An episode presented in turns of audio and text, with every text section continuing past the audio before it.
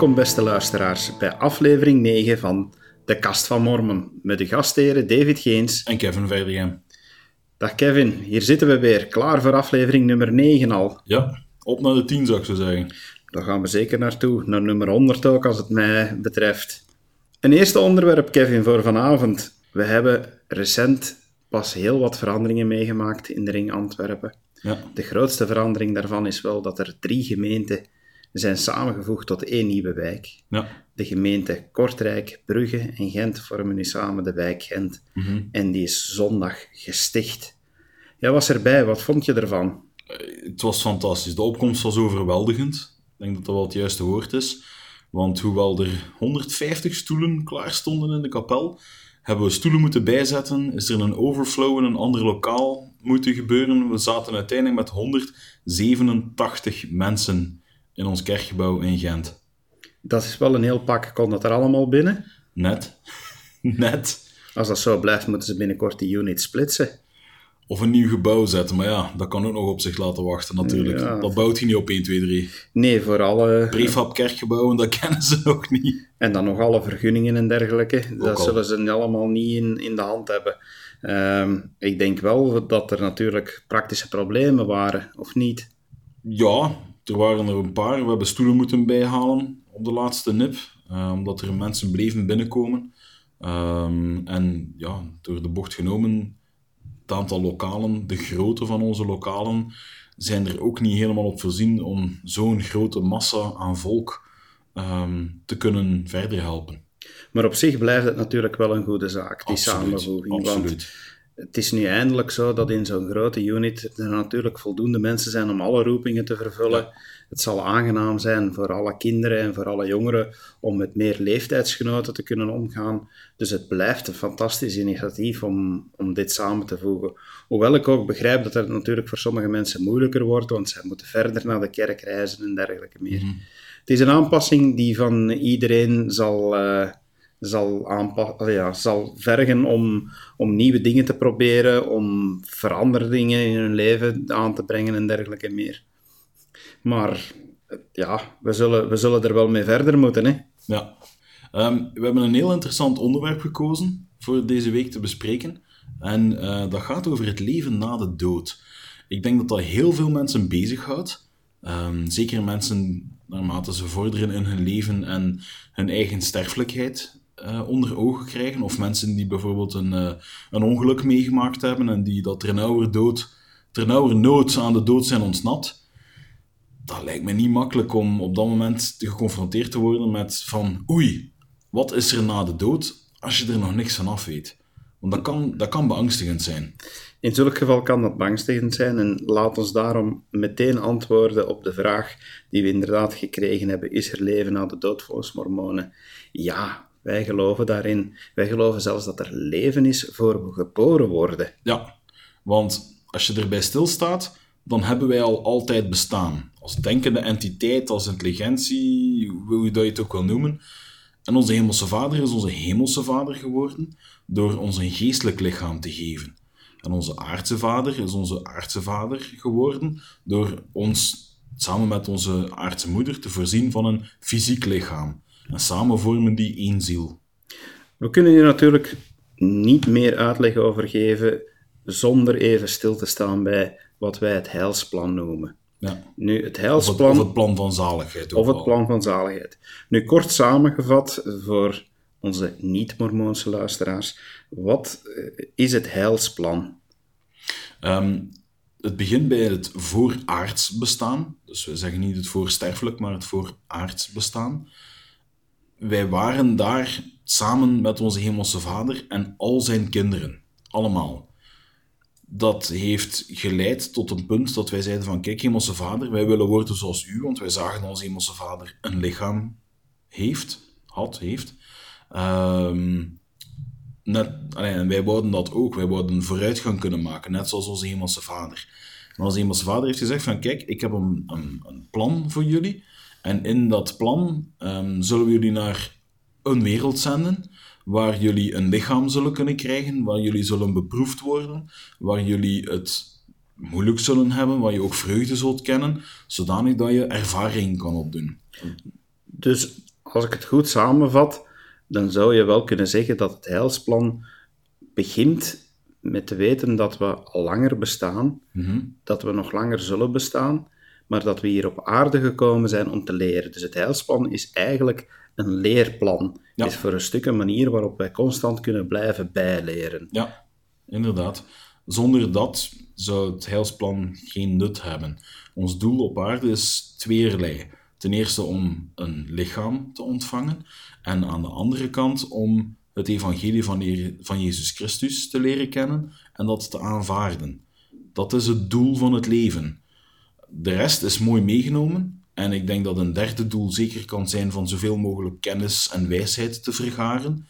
Maar laat ons eerlijk zijn, rijkdom verzamelen is daar niet één van. Dat kan voor veel mensen een doel zijn in het leven, maar als je het op het eeuwig perspectief bekijkt, je kan het niet meenemen na je dood. Nee, dat blijft natuurlijk een belangrijk verschil, waar dat we heel duidelijk over zeggen, rijkdom gaat niet mee na onze dood, maar kennis wel. Alles Ja. wat we hier leren, dat nemen we wel mee. Ja, inderdaad.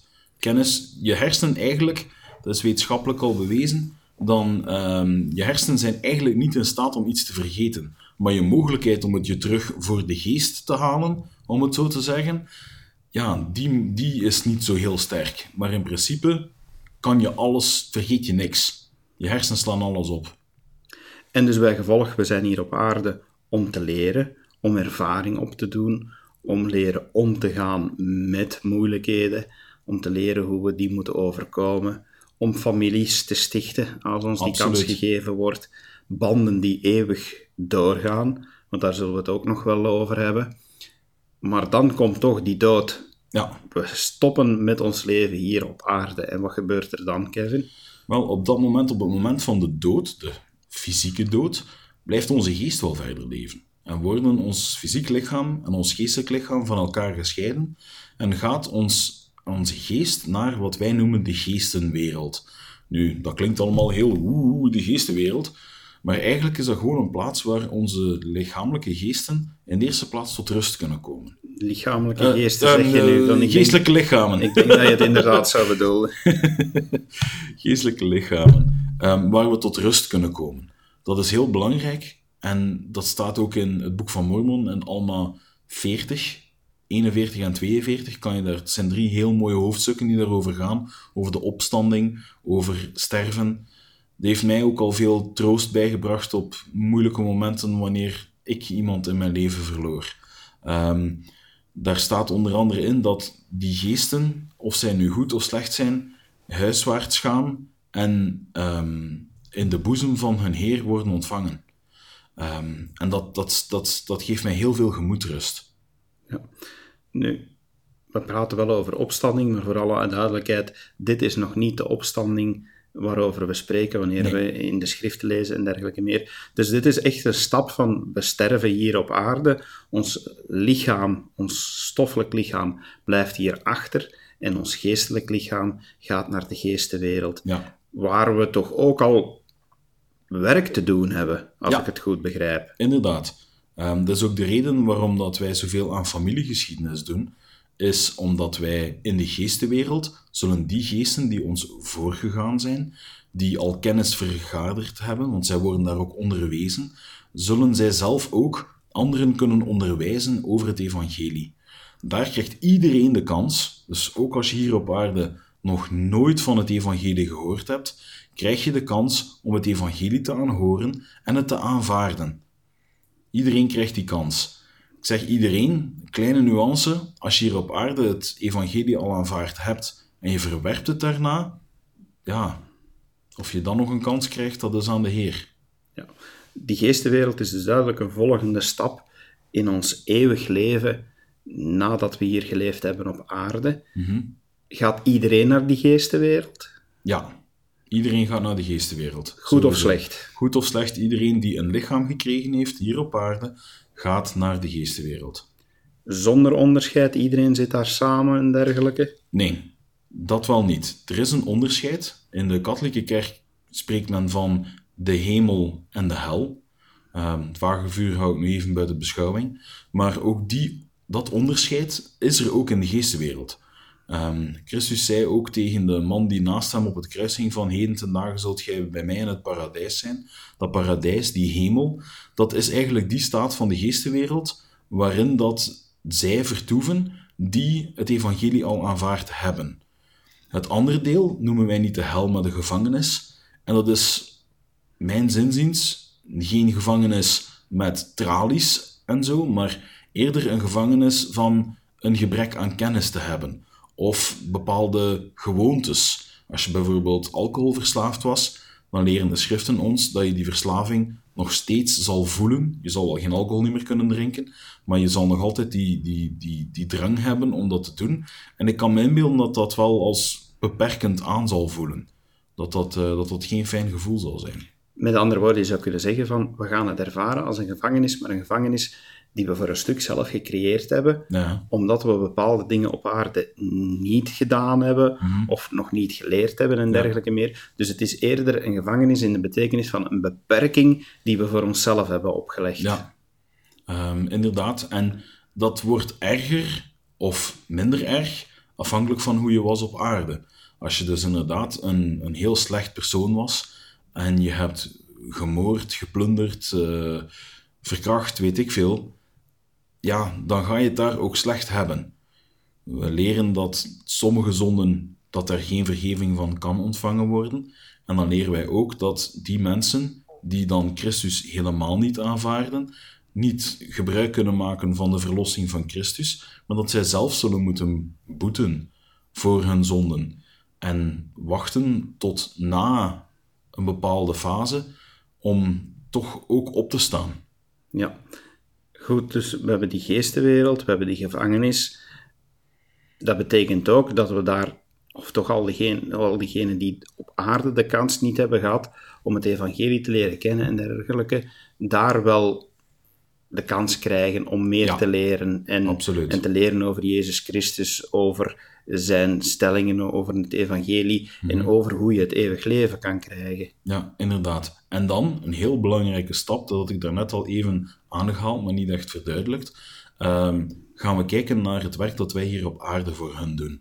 Wij worden geleerd, in het evangelie staat, dat je moet gedoopt zijn door water om de poort, als het ware, de spreekwoordelijke poort, te kunnen binnengaan. Als je dat niet doet, als je niet gedoopt bent hier op aarde, dan heb je dat wel nog steeds nodig. Ook in de geestenwereld. Maar je hebt geen fysiek lichaam meer om die verordening te ondergaan. Om dat verbond af te leggen met de Hemelse Vader.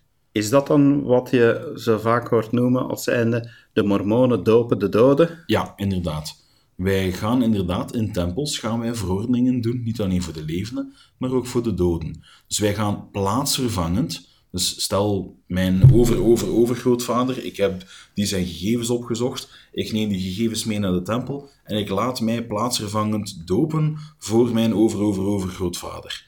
Die heeft dan de keuze. Aanvaardt hij het of aanvaardt hij het niet? Want, laat ons duidelijk zijn, het wordt niet opgedwongen. Ja, vrije keuze blijft sowieso bestaan. Absoluut, heel belangrijk. Goed, we hebben dus die geestenwereld, dat is een fase. Dat wil zeggen dat ook die voorbij gaat, dus dat er nog een volgende stap daarna komt. Er komt een eerste en ook een tweede opstanding.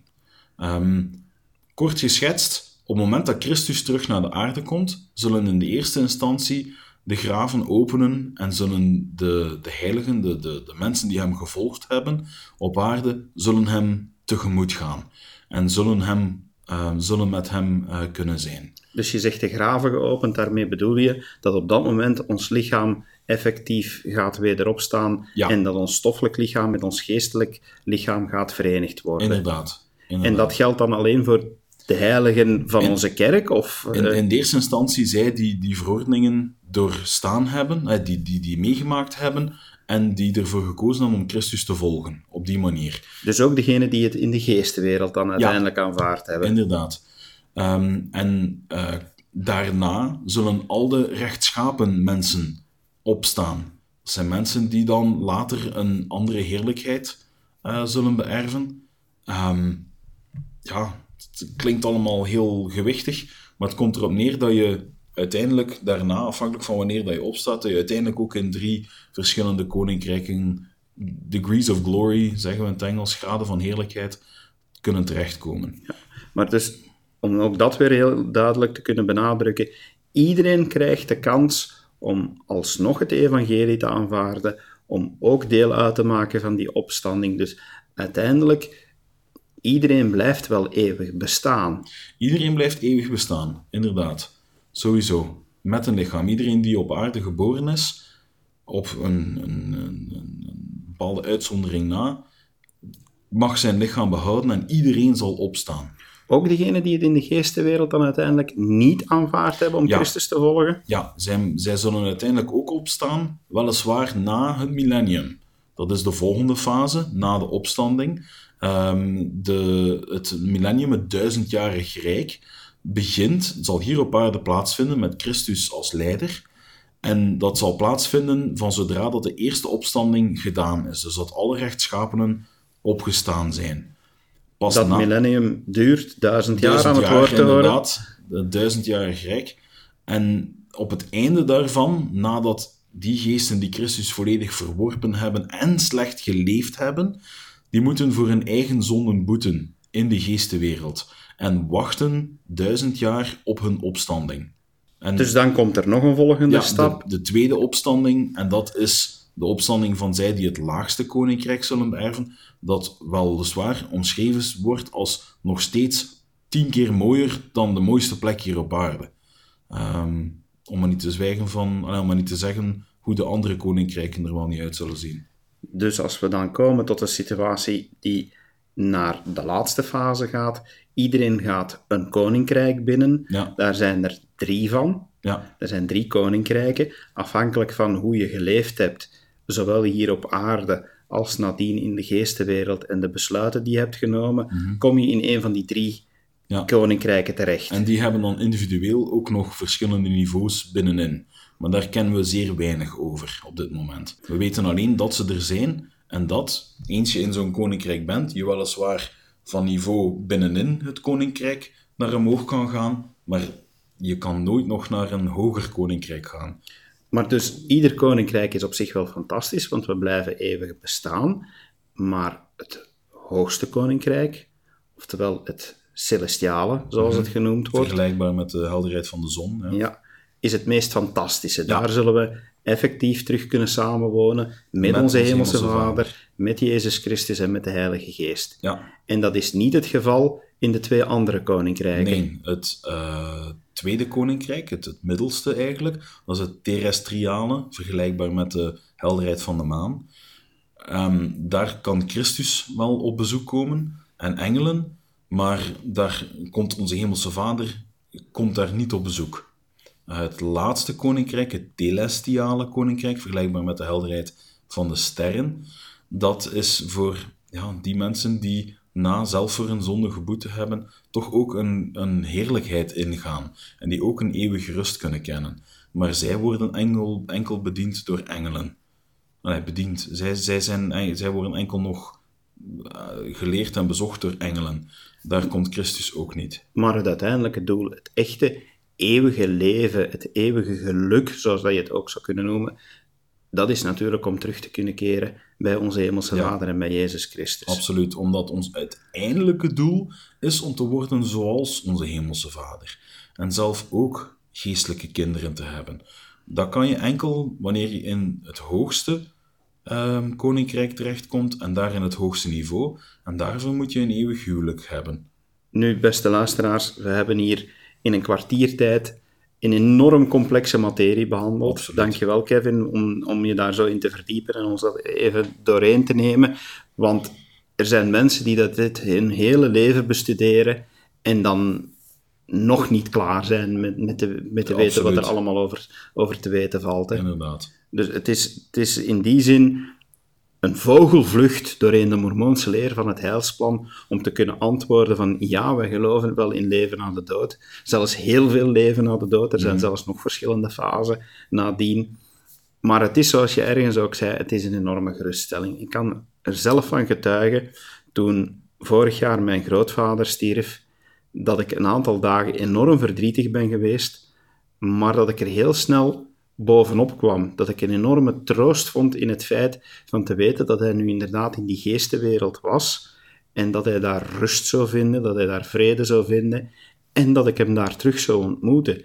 Dat ik, hoewel ik echt verdrietig was van hem, van hem hier kwijt te zijn, hè, van, van hem niet meer te kunnen vastnemen, was het toch ook een enorme troost om te weten van, och ja, over een aantal decennia Laat ons hopen. laat ons hopen, ga ik hem effectief terug kunnen vastnemen en Ja. een knuffel geven en gaan we nog fantastische verhalen kunnen uitwisselen Absoluut. en nog fantastische dingen samen kunnen doen. Ik wil onze luisteraars ook uitnodigen als zij zeggen van kijk, dit, dit, dit klinkt fantastisch.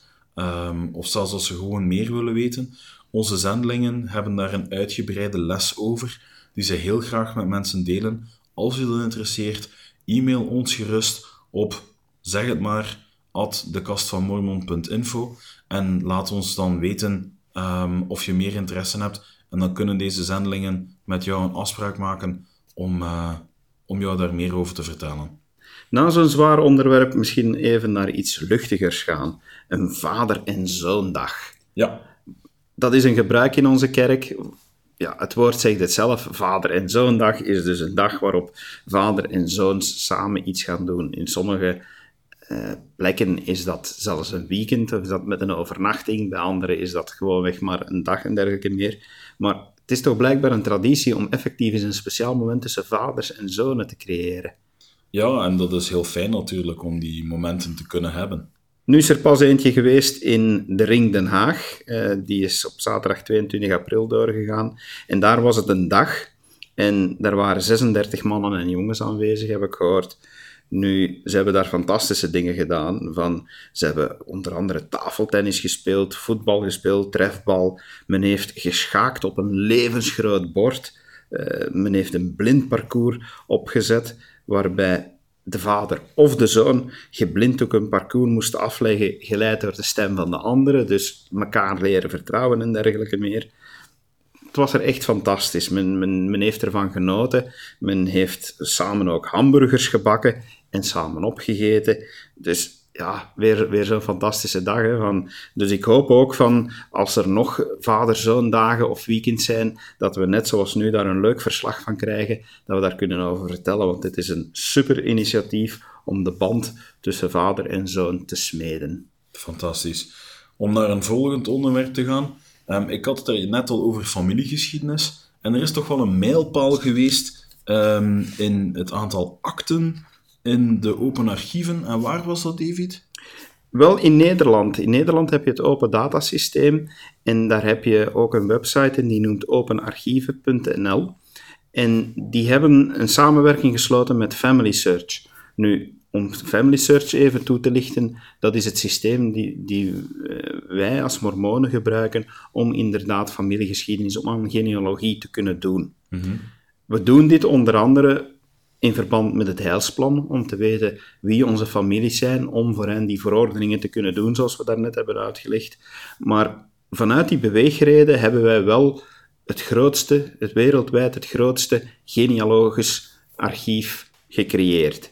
Nu, dat archief dat houden we niet voor onszelf, dat staat open voor iedereen. Iedereen kan surfen naar www.familysearch.org en daar gaan zoeken naar voorouders en, en familieleden en zelf stambomen gaan samenstellen. Ook volledig gratis. Volledig gratis, voor iedereen beschikbaar. Maar het is dus altijd de uitdaging voor onze kerk en voor Family Search als aparte organisatie om alsmaar meer en meer informatie te weten te komen. En daar hebben ze nu, als ik het begrepen heb, een mijlpaal in bereikt in Nederland. Ja, dankzij die open archieven, dankzij die samenwerking, heeft men, heeft men toegang gekregen tot meer dan 20 miljoen ge- reeds geïndexeerde Nederlandse actes. Want Fantastisch. het is dus altijd zo dat wanneer men die actes verkrijgt, het zij op papier, het zij op microfilm, die zitten niet in een database en dat laat zich heel moeilijk doorzoeken op het internet. Inderdaad. Dus die moeten ook geïndexeerd worden. Dat zijn vrijwilligers die dan effectief gaan overtypen wat er op die papieren staat. Niet eenvoudig, want dat schrift van sommige van die paters van vroeger en weet ik veel wat, dat was niet altijd even leesbaar. Nee, inderdaad, dat, dat vergt heel wat kunde. Je moet daar aanleg voor hebben, maar ook dat is vrijwilligerswerk. Daar kan iedereen aan meehelpen. Maar dus de meeste van die, die akten, van die 20 miljoen akten, zijn reeds geïndexeerd. En Family Search moet er dus op dit moment enkel nog maar een kwaliteitscontrole op doen.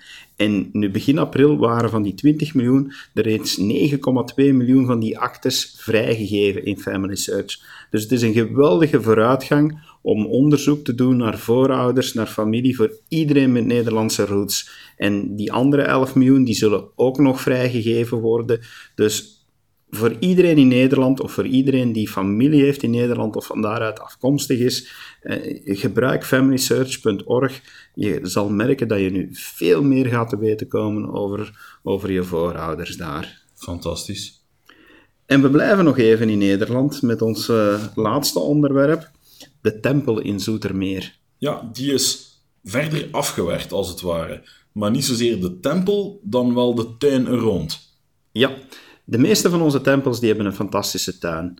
Daar wordt ook enorm veel zorg aan besteed, net zoals de tempel. De tempel is het huis van onze Hemelse Vader, wordt met de fijnste materialen en met de grootste afwerking afgewerkt. Maar ja, de tuin er rond, die, die, die moet dus ook leuk zijn, die moet rustig zijn, mhm. voor iedereen ook toegankelijk. De tempel is enkel toegankelijk voor mormonen met een tempelaanbeveling, mhm. maar de tuinen die zijn voor iedereen toegankelijk om toch ook eens een moment te kunnen hebben van reflectie, van bezinning en plek te hebben om te bidden. Nu, in Zoetermeer was het zo dat rond de tempel er maar heel weinig grond was die van de kerk zelf was. De rest van de grond, de rond, was nog altijd eigendom van de gemeente Zoetermeer. En onze kerk heeft onderhandeld met de gemeente, heeft die grond kunnen verkrijgen in ruil voor, het eh, voor de belofte dat men die grond ook effectief ging inrichten als een tuin die overdag voor iedereen beschikbaar is. En dat is inmiddels afgerond. Ja, hij ziet er fantastisch uit. Hij ziet er echt fantastisch uit. Men heeft er nu een mooi hek rondgezet, zodanig dat honden er niet meer vrij kunnen inlopen en er geen grote hondenwei van gemaakt kan worden. Men heeft de aanplanting veranderd. Men heeft enkele bomen weggehaald. Je zou dan kunnen zeggen, waarom heeft men dat gedaan? Maar dat is om het zicht op die prachtige tempel beter te kunnen maken. De, men heeft heel veel met lokale bloemen gewerkt. Die beginnen nu stilaan in bloei te komen voor de eerste keer. Het is prachtig om te zien. En ook Zoetermeer en hun, hun stadsbestuur hebben dat ingezien, want de wethouders, zoals dat dan noemt in Nederland... De schepenen, zoals we dat in Vlaanderen zouden noemen. Wij noemen dat burgemeester en schepenen, maar dus de wethouders eh, Vugs en Kuiper, die hebben onlangs een rondleiding gekregen eh, in die nieuwe tuin. En ja, mevrouw Vugs, die, die was heel blij, want als wethouder is zij verantwoordelijk voor de afdeling grondzaken. En zij zei dat het voor haar de eerste keer was dat ze een uitnodiging heeft gekregen om een project te bezichtigen waar dat zij namens de gemeente voor getekend had om die grond voor af te staan. Dus ze vond dat fantastisch dat ze, dat ze daar een uitnodiging voor kreeg en dat ze zag van hoe mooi dat het wel geworden was en dat ze nu echt wel heel blij was om te zien dat die grondafstand dat dat tot zoiets mooi had geleid. De tuin is, voor wie graag cijfertjes weet, is nu in, inmiddels uh, helemaal afgewerkt en is in totaal meer dan 3200 vierkante meter mhm. groot. Nu, de wandelpaden en de zuilen van het hekwerk, niet het hek zelf, maar is, is afgewerkt in hetzelfde graniet als de toren en de gevels van de tempel. Heel prachtig graniet, mooi om te zien. Ook de vijver bij de ingang is volledig opnieuw aangelegd. Dus Kevin, de plaats waar jij je huwelijksfoto hebt genomen, je kan dezelfde foto spijtig genoeg niet meer nemen. Aha, een unicum. Ja, dus het is allemaal veranderd. En, zoals ik al zei, de hele tuin is telkens tot zonsondergang voor het publiek beschikbaar en is volledig rolstoelvriendelijk gemaakt. Dus iedereen kan er naartoe. Super. Dus iedereen van harte welkom. Goed, daarmee gaan we deze aflevering besluiten. Beste luisteraars, laat nog altijd uw verhalen naar ons toe komen. Stel uw vragen, we zijn altijd benieuwd naar wat u denkt. Bedankt om te blijven luisteren en we wensen jullie nog een heel fijne periode toe tot aan onze volgende podcast. Dag. Dag.